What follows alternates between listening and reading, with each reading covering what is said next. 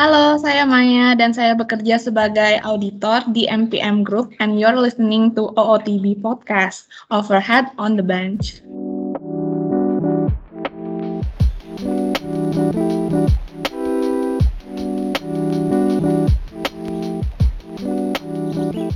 Welcome to OTB Podcast, the ultimate guide for you, ultimate people. Hai, apa kabar Ridwan?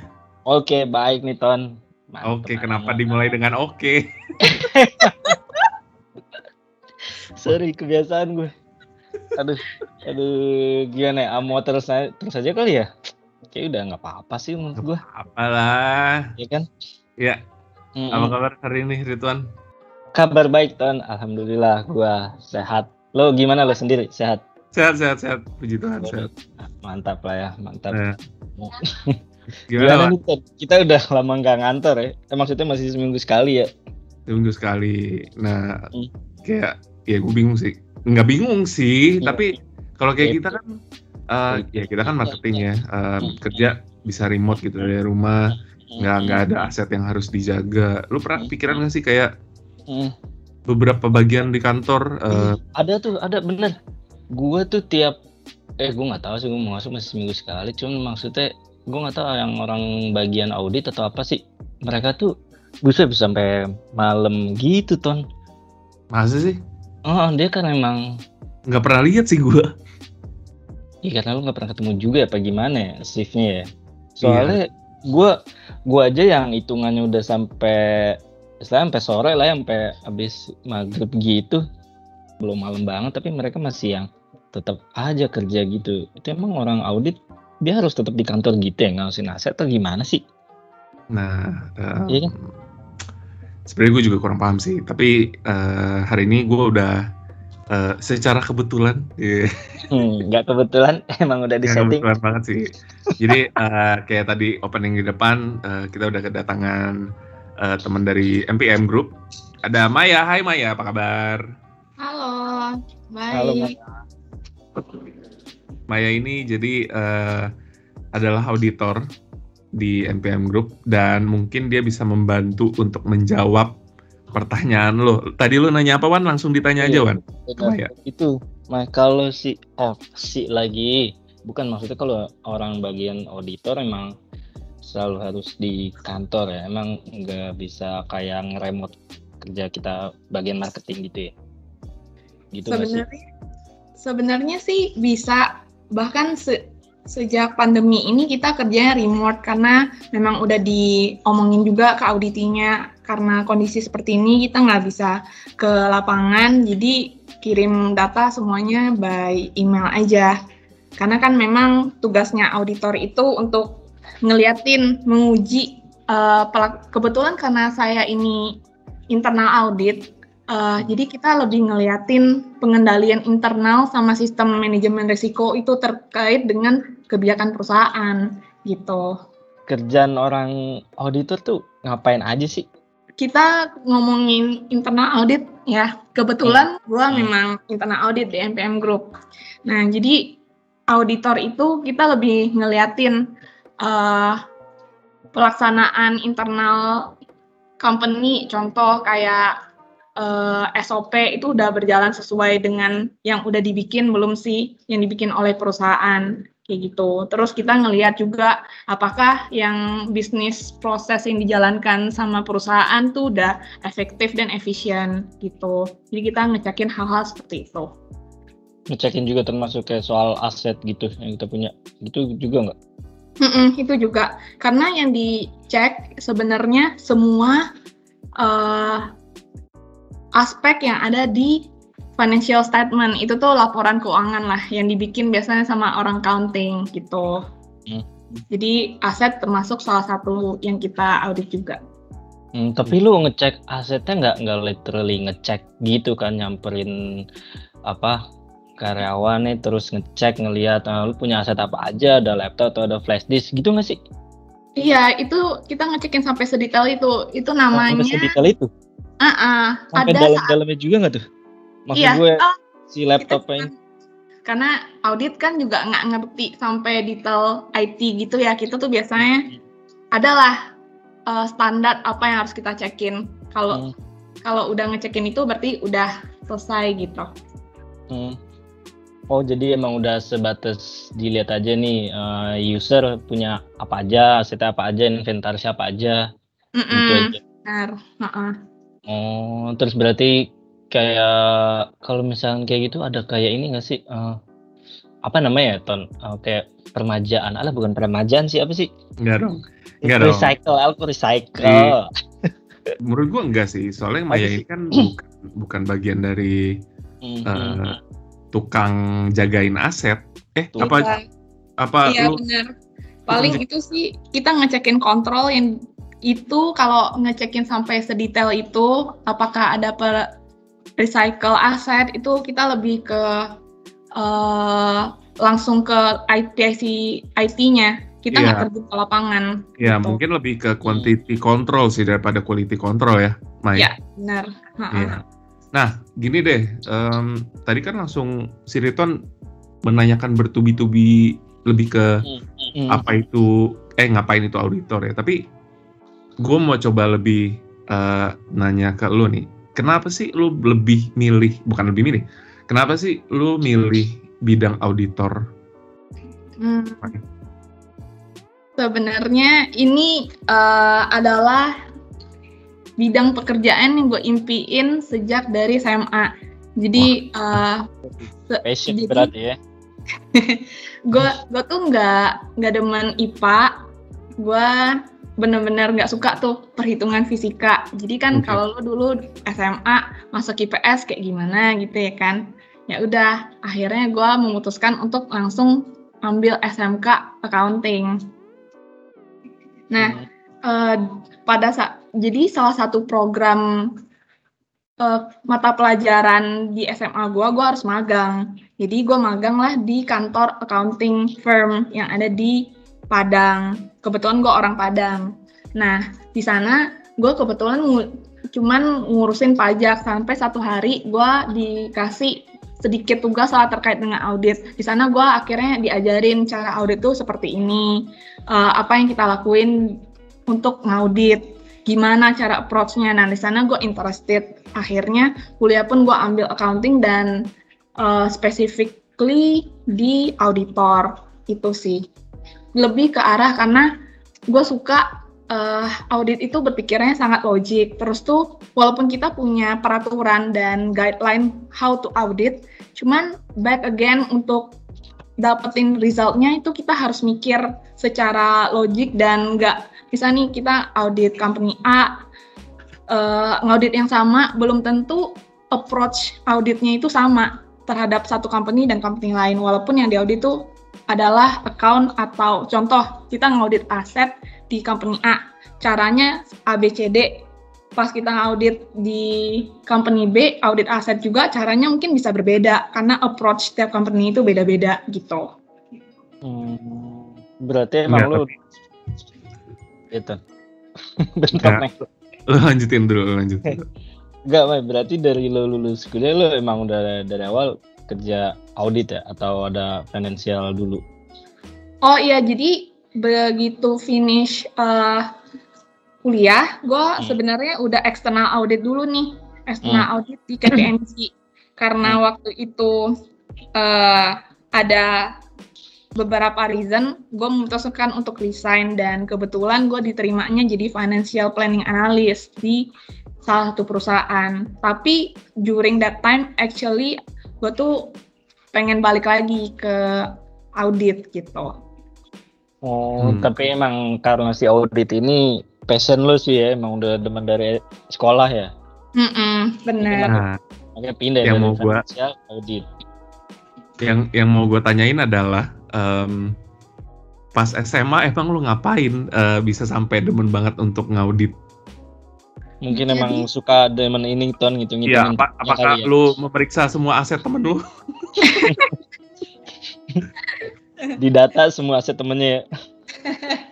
Iya. Biar tahu nih kan ke orang-orang punya apa aja ya gitu ya. Mm.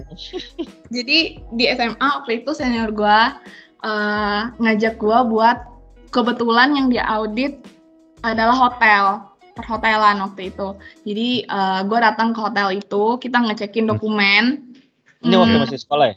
Ya, pas SMA itu. Ini titik hmm. gue menemukan kalau I like audit so much gitu. Hmm. Uh, terus kita datang ke hotel itu, kita minta tuh data-datanya mana aja. Uh, sebelumnya, sebelum datang ke sana, gue tuh udah di briefing apa aja yang di, harus dicek. Ternyata uh, salah satu komponennya tuh kurang. Nggak, nggak bisa tuh kita ngecek menggunakan cara yang ini. Nah, akhirnya senior gue tuh diskus sama gue, oh betternya caranya gini, gini, gini, gini. Nah, gue tuh suka dengan yang kayak gitu. Jadi, uh, lu tuh bermain dengan logik gitu. I like semua yang berhubungan dengan logik. Nah, makanya gue suka audit. Hmm, berarti emang pas begitu lo audit itu ada software tertentu yang lo pakai gitu ya? Mm -mm, mm -mm. Oh, itu macamnya kayak apa sih? Kayak Excel gitu bukan sih kalau audit? Bukan beda lagi atau ada yang lain? Sebenarnya kalau audit, basically kita menggunakan Excel, cuman pasti ada software software yang kita gunakan oh, oh ini nanti uh, misalnya kita mau ngambil sampel jadi kan kalau audit itu kita pakai sampel ya nah auditnya hmm. nggak mungkin tuh semua kita audit bisa gempor kan hmm. uh, jadi kita ada tools ada software yang bisa narik misalnya nih uh, dari 100 yang harus dicek hmm. cuma lima nih kita ambil sampelnya nah lima itu kita suruh software yang tarik lima dengan mereka punya lah beberapa hmm. judgement kenapa mereka harus narik uh, lima sampel itu kayak gitu. Mm-hmm. Tapi Berarti, kalau hmm. basic sih menggu masih menggunakan Excel so far kebanyakan auditor. Okay. Berarti pas lo di hotel itu sebagai auditor, ini gue sebagai orang awam ya, berarti lo akan menghitung jumlah banyaknya bantal dan selimut gitu gak sih? Tergantung kalau lu lagi ngaudit apa, itu biasanya ngaudit fix aset ya, aset lah jatuhnya. Okay. tapi fixed asset itu adalah salah satu komponen yang ada di financial statement. Biasanya yang sangat besar impact-nya itu adalah penjualan karena kan bisnis ya jual. Nah itu yang benar-benar harus dicekin gitu. Hmm, berarti emang yang lo audit bukan cuman ini aja ya? Gue gue ngebayangnya yang diaudit itu tuh yang benar yang tadi lo sebut bantal, selimut, sudah beberapa. Tapi emang tetap ke penjualan juga gitu ya? uh, penjualan terus kayak aset aset itu yang biasanya orang awam lihat kan cuman ya barang kursi hmm. bantal gitu tapi kan ada accounting method di dalamnya di mana kalau hmm. misalnya kursi ini udah dipakai selama lima tahun harganya udah nggak ada loh kayak itu hmm, nah itu juga kita audit cara perhitungannya gitu berarti lu juga mikirin ini ya apa apa sih namanya depresiasi iya benar ya? depresiasinya ya? yang berhubungan dengan accounting itu kita cekin juga jadi nggak literally apa yang ada di lapangan contohnya kalau selain aset tuh biasanya invoice kalau kalian tahu kayak hmm. kalau lu ke hotel kan dapat tuh invoice-nya itu kita cekin itu kan hmm. uh, sesuatu yang berhubungan dengan uh, bentuk yang kelihatan di lapangan. Tapi kita hmm. juga juga ngaudit yang nggak kelihatan. Contohnya tadi re, uh, depresiasi gitu. Hmm. Hmm. Semuanya budget, budget perusahaan juga gitu. Benar. Uh -uh. Hmm, berarti emang benar semuanya di ini ya, di audit ya maksudnya emang diperiksa lagi sesuai nggak nih jalan nggak nih sama yang direncanain gitu ya? Mm -mm, tapi yang audit sampai sedetail itu biasanya eksternal audit. Contoh oh, beda lagi. Ben, beda lagi. Kalau ex, external audit tuh dia harus ngecekin sampai sedetail itu. Sedangkan kalau internal audit namanya internal, tujuan internal audit itu adalah supaya eh, proses-proses yang ada di company itu tuh menjadi efektif. Jadi kita ngecekinnya nggak sampai sedetail eksternal audit. Sedangkan kalau eksternal audit tuh harus harus nggak mengaudit financial statement sampai dia tuh udah benar belum sih, sesuai belum sih sama accounting policy gitu. Beda. Jadi itu mereka adalah dua dua jenis yang berbeda. Oh, baru tahu gue ada audit ternyata ada dua internal sama eksternal ya. Iya. Ini berarti iya nggak kebayang sih maksudnya gila itu yang ngaudit dari budget perusahaan terus aset segala macam. Ini berat banget sih. Keriting sih. Audit gini, iya kan, apalagi ngitung-ngitung gitu nggak sih? Iya oke, okay. tapi uh, menurut menurut kita uh, sebagai orang awam yang nggak tahu audit itu cukup berat, tapi mungkin kita coba tanya nih. Dari skala 1 sampai 10, sebenarnya berat seberapa berat, Mai, uh, menurut lo kerjaan lo? Dan uh, biasanya apa sih uh, ya pasti semua orang kerja pernah capek lah. Nah, apa uh, lo sebagai auditor tuh apa sih biasanya yang bikin lo capek banget? Jadi dari skala 1 to 10 dulu ya. Iya. Six. Karena gue okay. suka, karena gue suka, jadi walaupun somehow pasti ada beratnya yang namanya kerja, tapi back again because I like this field, uh, beratnya tuh nggak seberapa berat gitu, nggak yeah. sampai yang pengen I need to quit gitu, nggak sampai kayak gitu. Karena emang emang udah passion sih ya kan. Mm -mm. Jadi kalau udah passion yeah. emang ini sih. Kalau, udah kalau udah suka sih emang emang susah ya Wan ya kalau udah iya, suka. Kalau di jalan kan gunung dipanjat, samudra diarungi lah. gue pengen tanya Mike kan kalau misalkan gue nih ya gue orang desain gini kepuasan yang gue dapat di apa kerjaan bidang desain tuh kalau orang udah seneng banget sama karya gue atau dia ngeliat karya gue tuh senyum nah kalau yeah. lu iya. kepuasan kayak apa yang didapat Mike lu kan audit nih maksudnya Iya nggak sih Ton, kebayang nggak sih? Apa lo karena udah nyelesain suatu audit budget perusahaan atau gimana terus lo udah ah anjir lu udah kelar nih gue udah nge-audit dari kemarin pas semalaman nggak tidur kepuasan kayak apa tuh main yang lo dapat dari kerjaan audit ini? Hmm, back again kalau kita harus ingat kalau konsep uh, audit itu sebenarnya untuk membantu perusahaan jadi lebih better. Jadi kepuasan gue adalah once pra, uh, company-nya punya problem, kita bantuin mereka buat nge-solve problem itu. Itu hmm. adalah kepuasannya. Oh berarti kalau udah apa namanya ya maksud udah selesai gitu, udah udah beres, di situ langsung ngerasa puas gitu ya? Iya, karena kita berkontribusi sesuatu terhadap perusahaan itu yang kadang wal bisa impactnya gede, kadang kecil. Hmm.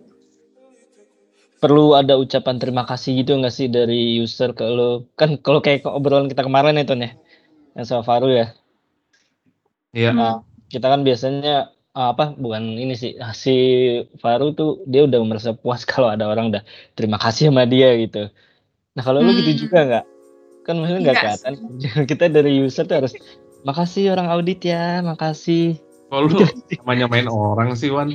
Ya enggak Ton, maksud gua kan kali aja. Dia kan udah nyelesain kerjanya nggak selesai loh Ton. Eh maksudnya nggak kelihatan loh Ton. Ya enggak sih, nggak beda sama kalau misalkan IT yang kelihatan gitu dia nyamperin ke meja kita dia benerin apa. Iya, iya, iya, iya. Ya. Jadi kayak lebih ke output sebenarnya gue gak tahu ya. Cuman menurut gue output kerjaan lo mungkin nggak terlalu kelihatan ya Maya. Mm -hmm. Benar. Hmm. Uh, karena perubahannya itu pun uh, step by step kan nggak yang langsung plek selesai jadi berubah gitu kan. Enggak sih jadi gue lebih ke benar-benar kepuasan itu itu selesai problemnya solve that's it gitu. For me it's good enough. Nggak perlu sampai uh, auditinya sadar oh ini hasil audit nih maka kita jadi ibaratnya mungkin nggak perlu lembur lagi. Nggak sih gue nggak perlu sampai. Menurut gue semua auditor mostly nggak sampai kayak gitu karena kita tahu uh, itu akan berimpact cukup besar di di company gitu. Hmm. Oke. Okay. Gini Wan, jadi uh, selain jadi auditor, gua lihat-lihat dan uh, eh, gue pernah ngobrol juga sama Maya sedikit. Hmm. Ternyata tuh dia penulis juga. Wadaw, penulis apa nih? Maksudnya cerita, cerita apa sih? Artikel. Iya Mai, gimana Mai? Um, lebih ke fiction sih gua nulisnya. Jadi uh, kebetulan gua punya blog yang hmm. belum banyak orang tahu dan gua agak push di bagian itu. Uh, jadi gue memang sejak SMP hobi nulis karena gue demen baca dan I have my own imagination. Jadi gue mencoba untuk menulis itu sejak SMP. Nah, hasil-hasil karyanya itu gue taruh di blog gitu. Jadi seenggaknya kayak once gue udah taruh di blog tuh kayak gue merasa oh gue udah melakukan sesuatu gitu loh. Gue udah berarti uh, ini adalah cerita yang gue bangga untuk gue present gitu. Nama blognya apa, Mai? mayagiftira.wordpress.com Nah, itu kan. Berarti emang ini gak sih, uh, gue penasaran aja nih, pernah dicurhatin gak sih kerjaan lo sebagai auditor, tapi lo bungkus jadi kayak fiksi yang lo tulis di blog? Oh, enggak. oh, enggak pernah ya? Emang bener-bener ini lo aja ya? Tipe yang fiction itu bener-bener imagination. I will not write fiction based on fact gitu. Hmm. hmm. Biasanya tentang fiksi-fiksi apa sih, Mai? Hmm. Love story. Lebih ah. love oh, story. love story. Gue mau tahu dong satu satu satu cerita fiksi yang paling menurut lu paling oke okay nih. Uh, kayak secara singkat, tapi uh, gimana ya bisa menjelaskan secara keseluruhan gitu. Oh, sebenarnya gue belum nulis banyak sih dan um, so far yang you you mean the best fiction I ever write gitu kan ya? Yes yes yes. Uh, jadi ceritanya ini cewek uh, CEO dia she has everything tapi kebetulan keluarganya meninggal dua tahun yang lalu Aduh. karena sebuah kecelakaan mobil. Okay. Uh, nah di sana itu dia dia trauma tuh dan dia juga merasa bersalah dia mikir sih kecelakaan itu karena dia. Nah, akhirnya dia merasa he didn't deserve for happiness. Saat itu dia punya pacar, dia putusin pacarnya Waduh. karena alasan itu. Dan akhirnya pacarnya punya tunangan baru, tapi pas deket-deket mau merit, uh, mereka kind of reconcile dikit gitu. Wah. Nah, buat buat uh, ultimate people yang mau baca cerita lengkapnya cerita ini akan ada di otb.id. Nah, buat kalian juga yang mungkin uh, teman-teman yang punya nih uh, hobi kayak Maya, suka nulis, uh, suka bercerita, bisa uh, submit artikel atau Iya, sesuai dengan uh, kesukaannya bisa loh submit artikel kayak Maya gini. Caranya gimana, Man? Caranya langsung aja kunjungi ootb.id, terus di situ ada menu bagian atas Join as Contributor. Di situ udah bisa kalian tinggal isi data diri aja, terus juga di situ bisa submit artikel sama kalau bisa juga ada image-image-nya. Terus nanti tinggal submit aja. Ntar di situ langsung kita naikin. Gitu tuh. Gampang banget daripada lo harus bikin WordPress. Eh enggak sih, ini si Maya mungkin udah udah lama lah ya nulisnya. Cuman kan daripada kita text time gitu kan, yeah. harus bikin email, terus uh, WordPress-nya, uh, terus Iya, mungkin ultimate people yang uh, mau exposure lebih, kita mm -hmm. bisa bantuin lah ya. Mm -hmm, bener banget. Kita langsung publish lah pokoknya mm -hmm. di nah, website. Oke, okay, nah uh, balik lagi ke Maya nih. Uh, dari semua uh, cerita yang lo tulis itu kan emang hobi lo ya. Tapi sih, eh tapi apa sih uh, yang lo dapat gitu loh uh, selain ya kalau lo ngelakuin hobi kan kesenangan ya. Sa tapi selain kesenangan gitu loh apa yang lo dapat dari hasil lo nulis ini? Dapat hikmahnya kali. Faedah. Uh, sebenarnya nggak ada sih secara kalau ngomongin material ataupun hikmah tadi nggak ada sih karena ini benar-benar hikmah karena ini benar-benar hobi ya kayak lu hobi fotografer gitu ya gue hmm. bingung juga apa apa hikmahnya hmm. Enggak, enggak, enggak pernah coba lo bikin buku gitu aja, Mi? Atau lo nulis di Wattpad juga enggak?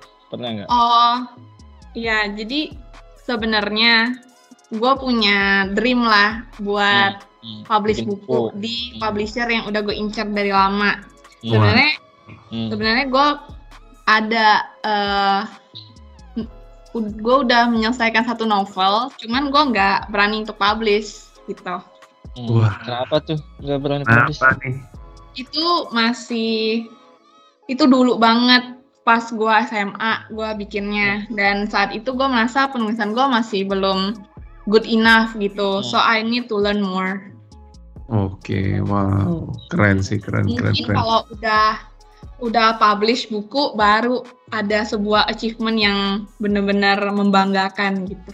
Oke, okay. nah, nah Aduh, apa nih? Bareng nih. Apa nih? Ayo, Mai, lu tak apa? Ya, lu yang pilih deh. Yang mau nanya gua apa Ridwan? Tadi pikir.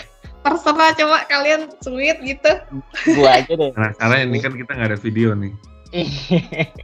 gua aja deh, Ton. Boleh. Iya, boleh. Ya kan?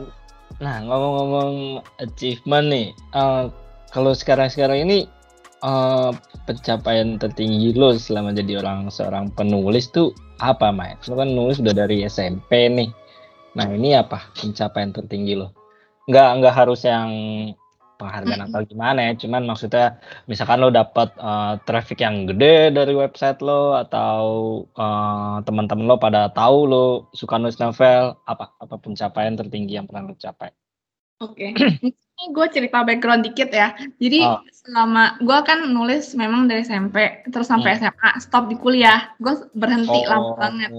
Nah, hmm. um, terus abis kuliah gue kerja yang lembur-lemburan hmm. banget baru sampai sekarang ini tuh gue kerja bisa lah dibilang work life balance jadi hmm. uh, eh, gue punya waktu untuk nulis lagi nah pencapaian terbesar gue nih akhir-akhir ini nih gue bisa nulis setiap hari tuh udah kayak pencapaian terbesar sesimpel hmm. itu kalau sama gue hmm. karena gue percaya kayak uh, ini ada hobi hobi tuh lu benar-benar harus rut walaupun yang namanya kesenangan tapi lo harus rutinin supaya lu better and better gitu hmm. jadi selama gue bisa nulis setiap hari aja tuh for me it's udah ter, udah menjadi achievement tertinggi gue selama hmm. ini karena biasanya gue nulis kayak minggu ini sekali minggu depan sekali gitu jarang-jarang ya dibanding mm -mm. sekarang sekarang mm -mm. hari nulis mm -mm. oke okay, Maya kalau disuruh pilih mau sukses di karir lo sebagai auditor atau penulis hmm. hmm. I can't choose itu gue nggak bisa milih karena audit itu nggak nggak bisa nggak bisa. Di sini lo harus memilih. Harus harus pilih harus pilih ya karena semua itu pasti ada pilihan. Hmm. lo harus memilih. Hmm. uh...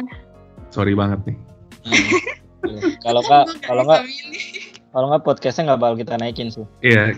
Karena ya kita nggak bakal selesai ini podcastnya. Uh, uh. kita tungguin kok pokoknya hmm. Gak bisa, gue nggak bisa milih. Itu kayak milih ibu dan bapak gitu loh. Waduh. Amat kayaknya. Si Malakama jadi. ya udah, gini deh. Kalau bilang ibu dan bapak, lo kan pasti bisa, uh, lo sayang, eh kita sayang lah dua-duanya, tapi kan hmm, lebih dekat ke mana? Lo lebih sayang ke siapa? Nah, oh. lo lebih sayang ke siapa nih sekarang? Uh, ke audit. No Karena way. itu gue udah pelajarin dari form terma gue pelajarin di formal education juga. Terus tuh tuh adalah kehidupan gue selama bertahun-tahun terakhir nggak yang abis gue berhenti tiba-tiba gue muncul lagi gitu kan. Hmm, memang udah dirintis lah ya ini audit. Iya. Uh -uh. Oke. Okay. Hmm, lu kok maksa gitu kan dia harus suka nulis kan? Enggak enggak, gue gak maksa dia suka, harus suka nulis ya, tapi um, menurut gue menulis tuh effortnya tinggi sekali ya. Iya iya emang benar benar. Kalau lo bener-bener uh, yang nggak suka banget sama nulis, lo nggak mungkin nulis iya, cerita men. Fiksi itu setahu gue susah. susah banget dan susah banget. Iya itu bukan hal yang uh, apa uh, main-main dalam, dalam tanda kutip lah. Apalagi lo berani untuk sampai nge-publish ya. Uh, menurut gue itu komitmen yang harus lo bisa jaga sih. Iya benar gitu kan. Nah that's why kayak gue bukan mengarah eh bukan bukan memaksa tapi lebih ke mengarahkan lah. Hmm, hmm.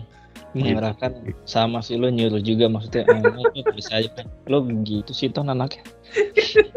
Oke okay, last question nih. Um, kira-kira lo bisa kasih tips gak? Gimana kalau misalnya ada ultimate people yang mau mulai nulis lah? Kalau mereka suka nulis gitu. Hmm. uh, jadi gue percaya semua orang punya imagination di kepalanya, cuman hmm. somehow suka males untuk nulisnya atau merasa eh gue nggak pernah les nulis nih. Gue nggak punya kemampuan lah. Nggak nggak usah mikir kayak gitu. Apa pun yang ada di kepala lu langsung aja tuangin di word. Nanti masalah bagus apa enggak itu tuh seiring berjalannya waktu. Karena menurut gue menulis itu adalah jam terbang semakin lama lu nulis semakin terbiasa dan ya teknik-tekniknya pun lu bakal bakal dapat by learning by doing gitu. Jadi nggak usah takut, langsung aja. Langsung nyemplung aja ya. Iya. Oke. Langsung bikin aja pokoknya bikin artikel. Iya. Enggak ya Enggak halus, kan halus, halus, halus. ya kan Ton, bisa kan Ton. Bisa. Ya Iya. wes. Gitu aja kali ya, Wan ya. Oke. Thank you banget ya atas waktunya. Ya, thank you juga buat kalian. Seru Sukses banget TB-nya. Thank you, sukses juga Maya buat auditing dan nulisnya. Jangan lupa buat teman-teman Ultimate People yang nanti uh, mau tahu cerita uh, fiksinya Maya, nanti akan ada di OTB nih. Kita bikinin uh, halaman khusus buat ceritanya ini. Mantap. Novel Maya gitu kali namanya. Yes. Namanya- Uh, Oh, jangan gua. namanya Ruang Maya ya. Namanya jangan. apa? Namanya Ruang Maya. Aduh, Wih, jangan. ruang, eh, eh, bagus tuh. Eh, enggak, Iya kan? bagus banget ruang Maya. Lu Iya, maksudnya kan Maya Maya imajinasi gitu kan? iya benar. Iya nggak sih dunia Maya, Iya, ya kan? iya. Ruang Maya. Wih, Ya udah, itu nanti ya kita meetingin ya, Wan. Ini kita gampang. dulu. Under pressure gua. Sabi lah, sabi. Oke, gitu aja untuk episode kali ini. Em, apalagi Wan, biasanya? Udah sih. Udah ya? Eh, oh pokoknya eh, jangan lupa lah kalau kalian mau submit artikel gitu, kalian bisa langsung ke kunjungi otb.id. Join Iya, as contributor. di OTB juga ada banyak artikel yang bisa kalian baca dan ya mungkin kalian akan suka Hmm, hmm, gitu ya. Oke, Hmm. eh, thank you banget semua yang udah dengerin. Eh, see you on another episode on OTB Podcast Overheard on the Bench only on Spotify. See ya. Bye bye. 拜拜。